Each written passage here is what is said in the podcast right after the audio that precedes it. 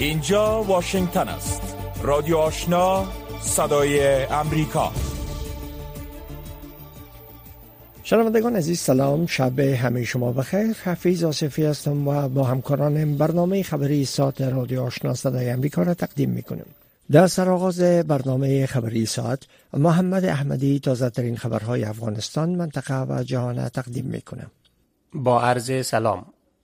کرن دیکر شارژدافر سفارت ایالات متحده امریکا برای افغانستان می‌گوید که برای اشتراک در گفتگوی امنیتی هرات به تاجیکستان رفته است خانم دکر امروز سهشنبه در توییترش نگاشته است که گفتگوی امنیتی هرات یک فرصت عالی برای تبادل نظر در مورد وضعیت افغانستان با نمایندگان افغانستان، تاجیکستان، کشورهای منطقه و اتحادیه اروپا است. او نوشته است که وی آنجاست تا گوش کند اما آماده خواهد بود که حمایت قاطع ایالات متحده از افغانها و افغانستان را در صلح با خود و همسایگان آن تکرار کند. دهمین نشست امنیتی هرات زیر نام نظام سیاسی همشمول الگوها و نقشه راه امروز سهشنبه در دوشنبه پایتخت تاجکستان آغاز شده است و فردا نیز ادامه خواهد داشت انستیتوت مطالعات استراتژیک افغانستان که برگزار کننده این نشست است می‌گوید که 120 مهمان به شمول سفیران و نمایندگان ایالات متحده، اتحادیه اروپا و 20 کشور و سازمان بینالمللی را در دهمین دوره از گفتگوهای امنیتی هرات دعوت کرده است. در اعلامیه این انستیتوت آمده است که هدف دهمین دور گفتگوها فراهم شدن فرصت گفتگو در مورد آینده افغانستان با فرصت جلب شدن توجه جهان و بحران این کشور است. این انستیتوت به منظور نزدیک کردن دیدگاه ها و نسخه های متفاوت برای گشودن گره پیچیده منازع افغانستان نخستین همایش را زیر نام گفتگوهای امنیتی هرات در ماه اکتبر 2012 میلادی در هرات برگزار کرد. پس از آن هر سال این نشست برگزار می شود طوری که نه دور این گفتگوها در دوره جمهوریت در ارگ تاریخی هرات برگزار شده بود. یک هیئت بلندپایه پاکستانی به رهبری حنا ربانی کر وزیر دولت در امور خارجه آن کشور صبح امروز سهشنبه وارد کابل شده و این هیئت گفتگوهایش را با مقامهای طالبان آغاز کرده است. جزئیات بیشتر خبر را از نسرین محمود عزیزی میشنوید. احمد زیاد کل معاون سخنگوی وزارت خارجه حکومت طالبان با فرستادن خبرنامه به رسانه ها گفت این هیئت پاکستانی تاکنون با امیرخان متقی سرپرست وزارت خارجه حکومت این گروه دیدار و گفتگو کرده است.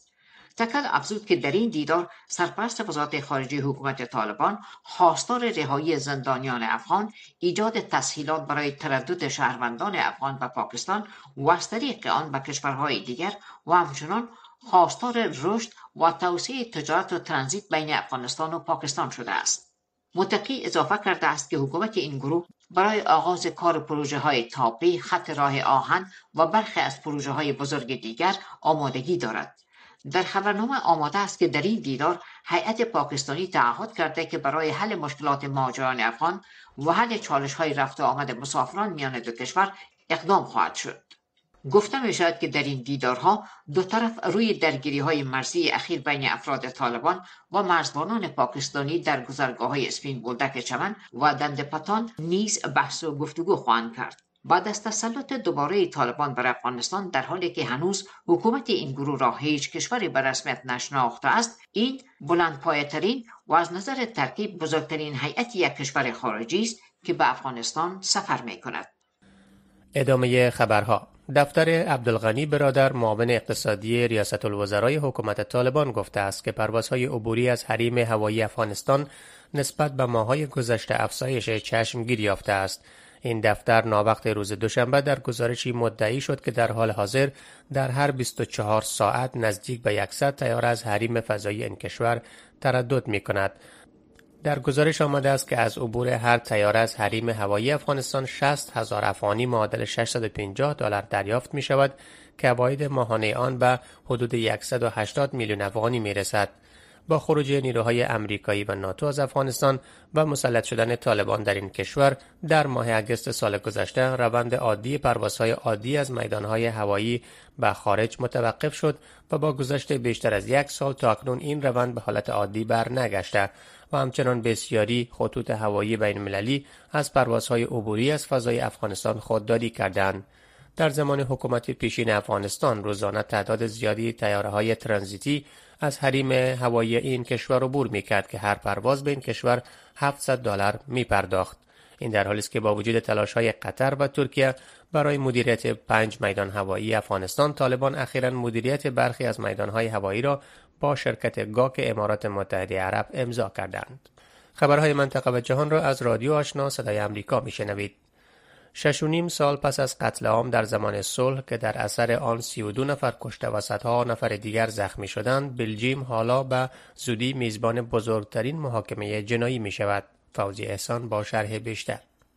قبل از جلسه استماع روند انتخاب هیئت منصفه روز چهارشنبه علیه نو جهادی که به حملات انتحاری 22 ماه مارچ سال 2016 متهمند آغاز می شود.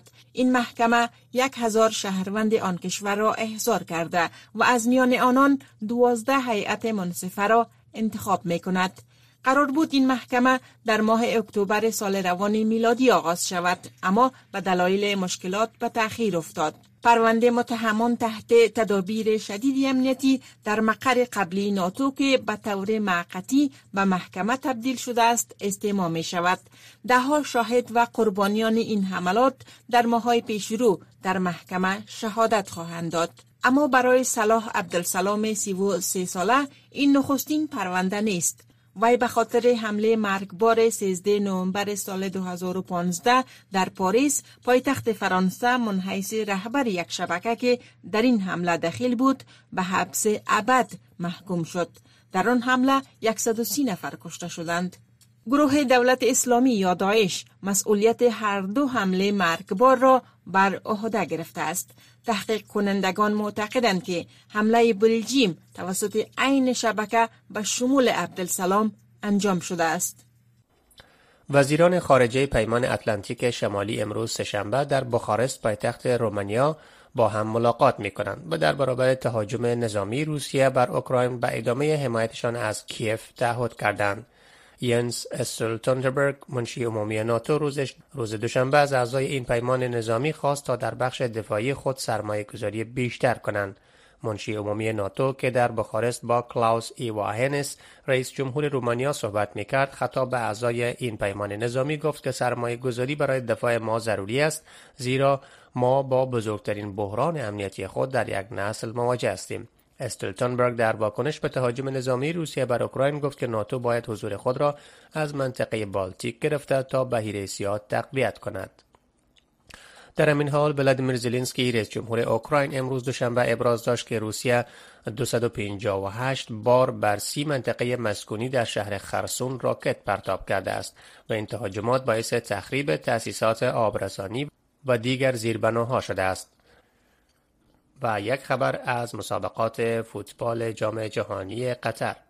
شبکه خبری CNN از قول یکی از مسئولان امنیتی جام جهانی فوتبال گزارش داده است که در آستانه بازی تیم ملی فوتبال ایران با ایالات متحده مقامهای جمهوری اسلامی و بازیکنان ایرانی هشدار دادند که از رفتار اعتراضی پرهیز کنند. در غیر آن اعضای خانواده هایشان در ایران زندانی و شکنجه خواهند شد.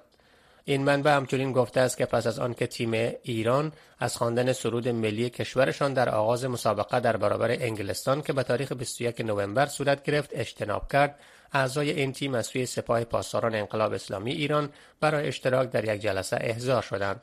و گفته این منبع در این جلسه به اعضای تیم فوتبال ایران گفته شد که اگر آنان سرود ملی را نخوانند و یا با اعتراضات سیاسی علیه رژیم تهران یکجا شوند اعضای خانواده های آنان با خشونت و شکنجه مواجه خواهند شد پس از این هشدار تیم فوتبال ایران قبل از آغاز مسابقه روز جمعه در مقابل تیم ولز سرود ملی ایران را خواندند و نتیجه مسابقه دو مقابل صفر به نفع ایران خاتمه یافت در همین حال تیم فوتبال ایران در دور سوم و سرنوشتساز رقابت‌های گروهی جام جهانی فوتبال قطر امروز سهشنبه مقابل تیم ایالات متحده بازی خواهد کرد. این بود خبرهای افغانستان جهان از رادیو آشنا. صدای آمریکا از واشنگتن. شنوندگان گرامی رادیو آشنا صدای امریکا نشرات رادیو آشنا را در موج متوسط 1296 موج کوتاه 11575 اعشاری صفر و در موج 972 کیلوهرتز شنیده می توانید. خبرهای افغانستان منطقه و جهان از رادیو آشنا صدای امریکا شنیدین آل هم گزارش های ای برنامه اعتراضات بیشتر با وضعیت زنان در افغانستان با فراتر سرحدات کشور گسترش یافته شمار زنان افغان با راه پیمایی در روزهای گذشته در شهرهای واشنگتن، لندن، تورنتو و استرالیا خواهان اعاده حقوق انسانی و شهروندی برای زنان افغان در حاکمیت طالبا شدند. ژیلا نوری در این مورد گزارش میدم.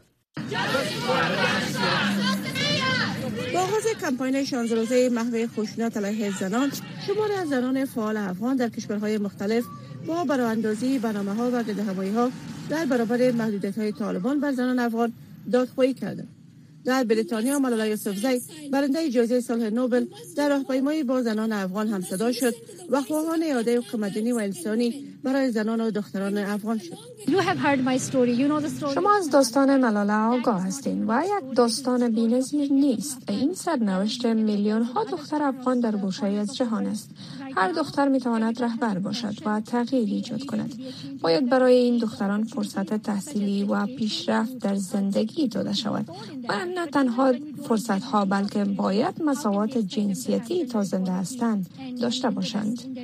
هماسر کوهستانی فعال مهاجرین و زنان افغان در بریتانیا می‌گوید باید فرصت هایی که حق دختران افغان است برایشان داده شود. من به خاطر فرصت هایی که داشتم اینجا رسیدم و در غرب بزرگ شدم. فرق من و خواهرانم در داخل افغانستان این است. برایم مایوس کننده است که ما هر کاری می توانیم انجام دهیم و آنها نمی توانند جرم آنها چی است که در رژیم طالبان زاده می شوند در استرالیا ریتا انوری بنیانگذار انجمن توانمندسازی رهبری زنان می‌گوید او سالهاست که برای زنان افغان دادخواهی می کند و شمار زنان افغان را از طرق مختلف به حمایت حکومت استرالیا کمک نموده است. من 29 سال میشه که استرالیا هستم و استرالیا زندگی کردیم هم همکاری مزیاتی و همراه از سیاسیون استرالیایی بودن و این وقت فراموش نکردیم که ما در رنگ خونه افغان است. یک زن افغان که وقتی در آتش می سوزه در جوش می سوزه ما باید جالسکین ما بسوز. همراهشان احساس باید داشته باشیم. این وظیفه همه ماستن دولت استرالیا امروز ما را همیشه شنیدن و میشنوند من رای خود کریستینا کلارک امبستر اف وومن اف استرالیا و تماس هستم که اونا با آواز خود بلند میگن که ما زنای افغانستان فراموش نکردیم. اما هر دولتی خاص خود یک کمپاسیتی دارن. به سیستم کمپاسیتی خود پیش میبرنشن بسیر تاهری که مدت بیشتر از یک سال در حاکمیت طالبان را پشت سر گذاشتانده است و در این مدت در شمال از رویدادهای اعتراضی برای حقوق زنان افغان در هرات دادخواهی کرده است و دلیل تهدیدات کشورها ترک نمود. او در ایتالیا برای حمایت از زنان افغان و مبارزه در برابر نقض حقوق انسانی زنان افغان فعالیت می‌کند. ایتالیا که من مدت چهار ماه میشه اینجا هستم و اعتراضات ما به خاطر دادخواهی از حقوق زنها هم از طریق رسانه هم از طریق برنامه های تک فردی که در داخل شهر تبنی دارم به خاطر حقوق و حقوق زنها و همچنین از در فضای مجازی و و بخصوص در اخیر که ما صد نامه اعتراضی به خود شورای امنیت و سازمان ملل داشتیم. در کنار زنای معترض در داخل افغانستان هستم و همه تلاش می‌کنیم که صدای زنان به جهانیان برسانیم و آنکه که جهان در مقابل زنای افغانستان خاموش هست وادار می‌کنیم که تا صدای خود بلند کنم و با این کلماتی که متاثر هستم و متاسف هستم اینا اکتفا نکنم. این زنان در حال دادخواهی می‌کنند که طالبان قواعد شرعی را در کشور برای مجازات مردم عملی ساختند و اخیرا شمار از زنان و مردان را در انظار عامه شلاق زدند که واکنش های شدید را در بر داشت. سخنگوی طالبان در توییتر از واکنش سازمان ملل متحد و سایر کشورها و تطبیق قوانین مجازات اسلامی انتقاد کرد و آن را به احترامی به احکام دین اسلام خوانده است. از 15 ماه بدین سو با حاکمیت طالبان بر افغانستان زنان افغان با شرایط سختگیرانه و محافظه کارانه طالبان روبروند و از حق کار و تحصیل باز ماندند. اخیرا طالبان زنان را بیشتر از حقوق اجتماعیشان محروم نمودند و زنان از رفتن به پارکهای تفریحی و از رفتن به های عمومی منع شدند. شنوندگان گرامی رادیو آشنا صدای امریکا.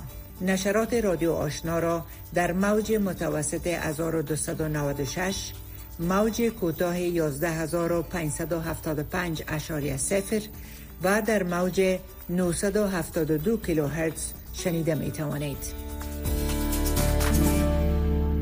در دهمین دوره کنفرانس امنیتی هرات از وضعیت جاری در افغانستان ابراز نگرانی شده. تشکیل کنفرانس امنیتی هرات از طرف انستیتوت مطالعات استراتژیک راه اندازی شده که ای بار تاجکستان میزبان اوست و در او تهدیدهای راس افغانانه است. از طرف حکومت طالبان آزمون جدی به منطقه و جهان خوانده شده. نسرین محمود عزیزی در مورد اهمیت این کنفرانس در آوردن ثبات در افغانستان مصاحبه با آقای اساقت مرد امور سیاسی انجام داده که با هم میشنویم. آقای اتمر برگزاری این نشست چه تفاوتی با نشست های قبلی در مورد افغانستان داره؟ خب این به ابتکار انستیتوت مطالعات استراتژیک دایر شده قبلا در داخل افغانستان دایر می‌شد و این دهمین کنفرانس یا نشست است اما چون یک سال قبل طالبا بر حکومت افغانستان حاکم شده از خاطر این فرصت برای انستیتوت مساعد نبود که کنفرانس در داخل افغانستان بگیرن و ایره در تاجیکستان امیر شسته گرفتن البته اینجا یک تعداد سیاست مدارای سابق افغانستان و همچنین از کشورهای منطقه از جمله پاکستان، هند، خود تاجیکستان و ایران و از دیگر کشورهای اینجا حضور به هم میرسانند و این کنفرانس مدت دو روز است. یعنی امروز و فردا ادامه دارد. در حالی که در این نشست یک تعداد از مقامات حکومت پیشین و مخالفان حکومت طالبان شرکت دارند آیا در مورد تشکیل یک حکومت همه شمول بحث خواد کردند؟ باور میست که در تمام موارد اون مواردی که امروز مای نگرانی و اندیشه خود افغان و جهانیان است. دو موارد احتمالا که اینا بحث و گفتگو بکنن و اینا فیصله بکنن و یا نظر خود در فیصله می و ایرا به جهانیان و نهادهای مربوط به نلی میسپارند من فکر می‌کنم که بیشتر فعلا مذاکرات بین الافغانی مورد نظر است. مسئله حقوق بشر مسئله اقلیت ها مسئله مکتب دخترها مسئله حضور زنان در جامعه و در دولت. و این مسائل بسیار آنی و جدی است که امروز مطرح است در مورد افغانستان. و شما چه فکر می‌کنید که آیا این نشست کدام تغییری را در پالیسی های طالبا وارد خواهد کرد؟ طالبا اصلا گوش شنوا دیت و وارد هیچ ندارند.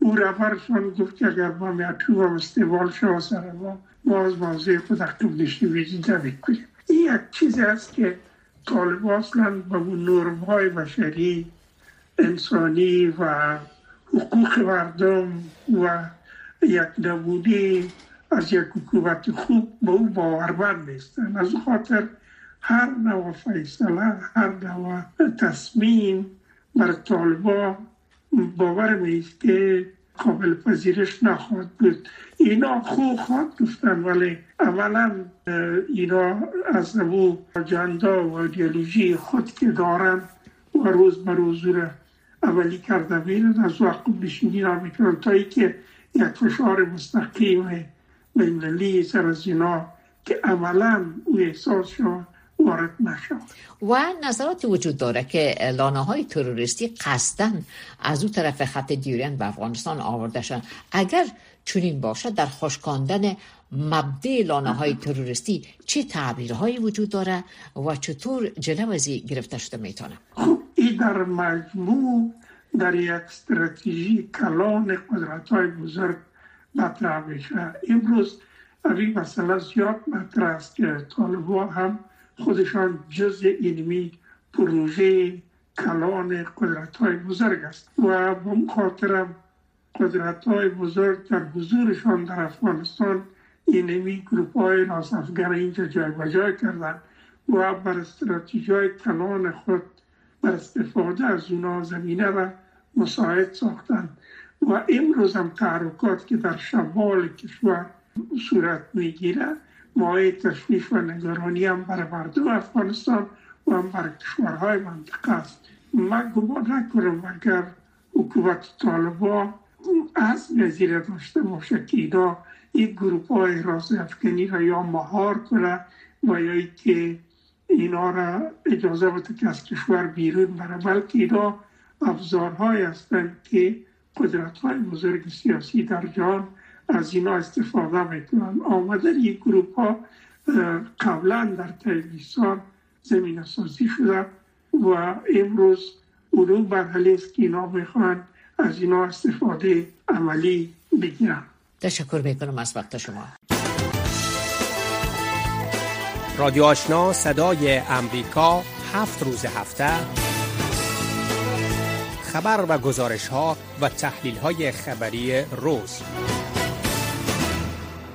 و باور زنان افغان کشورهای مقتدر جهان مانند امریکا، بریتانیا و کانادا و سازمان ملل متحد در رفع خشونت ها در برابر زنان در افغانستان می که نقش تعیین کننده داشته باشند.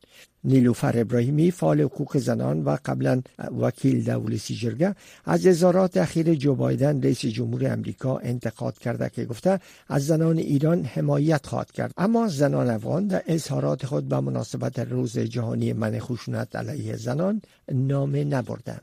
جزیات بیشتر در این مورد در مصاحبه فوزی احسان با نیلوفر ابراهیمی میشنویم بانو ابراهیمی خانمای افغان بانوان افغان هم در افغانستان و هم در بعضی از کشورهای اروپایی کانادا امریکا همه روزه اعتراضات می‌کنن نامه می نویسن به وزارت ها به ملل متحد. سوال ما است که دقیقا حکومت ها کشورهای مثل امریکا کانادا یا اروپایی اروپا چی کرده می‌تونه برای خانمای افغان در این مقطع من فکر می‌کنم که کشورهای جهان یا کشورهای دخیل در قضایای افغانستان به نهایت به نهایت در مسائل افغانستان خصوصا در وضعیت زنان تاثیر گذار هستند. به شرطی که اینا واقعا بیاین مداخله کنند و صدای زنان افغانستان شوند. متاسفانه امروز یک پست در Voice of America ما خواندم که موقف آقای بایدن در اوج آمده بود که در روز جهانی مبارزه با خشونت علیه زنان من کنار زنان ایران استاد هستم. وقتی که یک آدم که 20 سال در افغانستان کشورش آمد و مستقیما در قضایای افغانستان دخیل بود میایه به جای از اینکه در این روز یک صدای جمعی زنان سیاستگران کشورهای دخیل در قضایای افغانستان متحد بسازند و صدا و گلوی زنان افغانستان شوند. برعکس مثلا میایه با یک بیچشمی و به نوع به قسم سوز دادن میگه ما کنار زنان ایران هستم. شاید در جهان یگانه کشوری یا یکی از کشورهای من فکر می‌کنم شاید یگانه کشور باشه که نصف جمعیتش به جرم زن بودن در چارچوب خانه هایشان زندانی هستند و از اساسی ترین حقوق اولیه خود محروم هستند. جا داشت که آقای بایدن در این روز می آمد از زنان افغانستان به خاطر سهلنگاریش و به خاطر که یکی از یکی از تصمیم گیرنده های درجه یک در وضعیت فعلی افغانستان که است و افغانستان با وضعیت فعلی که آورده آقای بایدن بود. باید معذرت می‌خواست این روز و می‌گفت که ما کنار شما هستم و صداهای شما شنیده میشه و شما تنها نیستیم. یعنی حداقل باید اخلاقا این صدا رو می‌کشید. به نظرتان چرا آقای بایدن چرا از زنان افغان نام نبرده و تنها از خشونت هایی که در برابر زنان در ایران اعمال میشه یاد کرده دلیلش چیست؟ این خیلی واضح است دیگه که این یک پشتیبانی سیاسی است یک همصدایی سیاسی است. در این یک وضعیت خیلی دشوار است که ما اعتماد کنیم روی جامعه جهانی اما بی تاثیر نمی باشن. طور که هفته 40 میلیون دلار به طالبا کمک می‌کنن طور در مقابل کمکشان می‌تونن که چرا حقوق زنان را حقوق اساسی و خیلی اولیهشان شما محروم ساختیمشان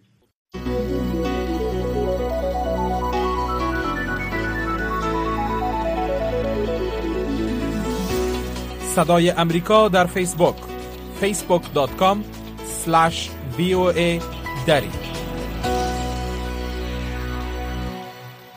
پس از آزادی شهر خرسون اوکراین توسط نیروهای کشور در اواسط ماه نوامبر جان تصویر ویدیویی استقبال سربازان اوکراینی توسط مردم شهر دیدند اما برخی از خبرنگاران که قبل از مقام های دولتی واردی شهر شدند اعتبار رسانه‌ای خود از دست دادند. خبرنگار صدای امریکا در این مورد گزارش دارد که تفصیل او را از رویا زمانی میشنویم.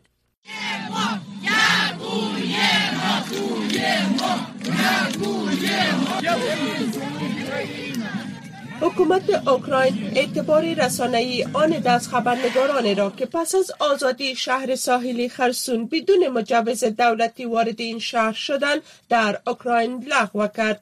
وزارت دفاع اوکراین این تصمیم را اعلام کرد و بیان داشت که خبرنگاران محدودیت های موجود را نادیده گرفتند. در واکنش به این اقدام اعضای جامعه خبرنگاری اوکراین با ارسال نامه به ولادیمیر زلنسکی رئیس جمهور اوکراین و مقامات نظامی آن کشور خواستار اعاده فوری اعتبار رسانه‌ای خود شدند. در میان کسانی که اعتبار خبرنگاری خود را از دست داد یکی هم انستیزیا استنکو خبرنگار اوکراینی بود که ساعات پس از آزادی خرسون از این شهر دیدن کرد. مهم بود تا همراه با سایر خبرنگاران موجود در آنجا فضای خوشی را به نمایش بگذاریم. این نشان دهنده تبلیغات دروغ روسیه بود که می‌گفتند نیروهای مسلح اوکراین دوباره برمیگردند و همه مردم را در این شهر می‌کشند. نیاز به دروغ گفتن ندارد. شما خود می‌دیدید که چگونه مردم محلی با سربازان اوکراینی دیدار می‌کردند. سگل مسویا مدیر روزنامه خبری پرودای اوکراینی با گفته های استنکو موافق است. دیمیتری لارین عکاس خبری این روزنامه نیز اعتبار رسانه خود را از دست داده است Це був дуже важливий сюжет з точки зору того, що люди дійсно чекали там українську армію, українських військових. این یک ویدیوی بسیار مهم بود که نشان میداد مردم محلی چقدر از نیروهای مسلح اوکراین استقبال می کنند.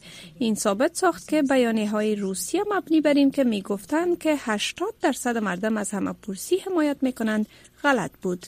در این حال وزارت دفاع اوکراین از تصمیم خود دفاع کرده و گفته است که برای خبرنگاران بسیار خطرناک است تا در این شهر تازه آزاد شده وارد شوند. اما موسویا می‌گوید که اهمیت مستندسازی آزادی شهر خرسون بیشتر از خطر است.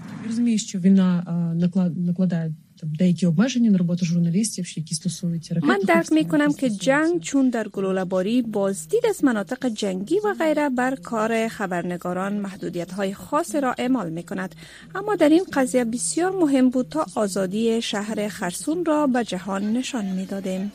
اتحادیه ملی خبرنگاران اوکراین نیز از وزارت دفاع این کشور درخواست کرده است تا تصمیم خود را معکوس کند. سرگی ملینکو از اتحادیه ملی خبرنگاران اوکراین می‌گوید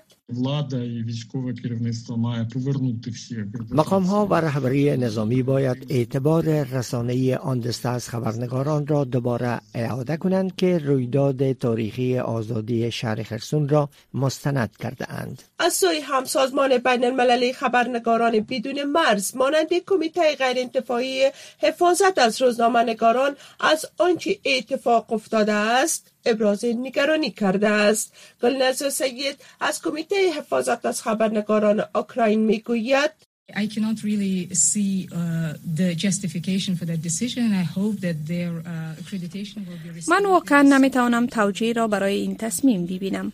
من امیدوار هستم که اعتبار رسانه‌ای خبرنگاران به زودترین فرصت دوباره داده شود و آنها بتوانند به گزارشدهی خود از شهر خرسون و دیگر مناطق ادامه دهند. و این در حال است که تا تهیه این گزارش مذاکرات غیر رسمی در مورد اعاده اعتبار رسانه‌ای روزنامه‌نگاران بین المللی و اوکراینی در جریان است. هنوز تصمیم رسمی در این مورد گرفته نشده است. شنوندگان عزیز. ای بود داشته های برنامه خبری که در همینجا به پایان رسید. اما نشرات پشتو و دری رادیو آشنا صدای امریکا همچنان ادامه داره. شنونده رادیو آشنا باشید.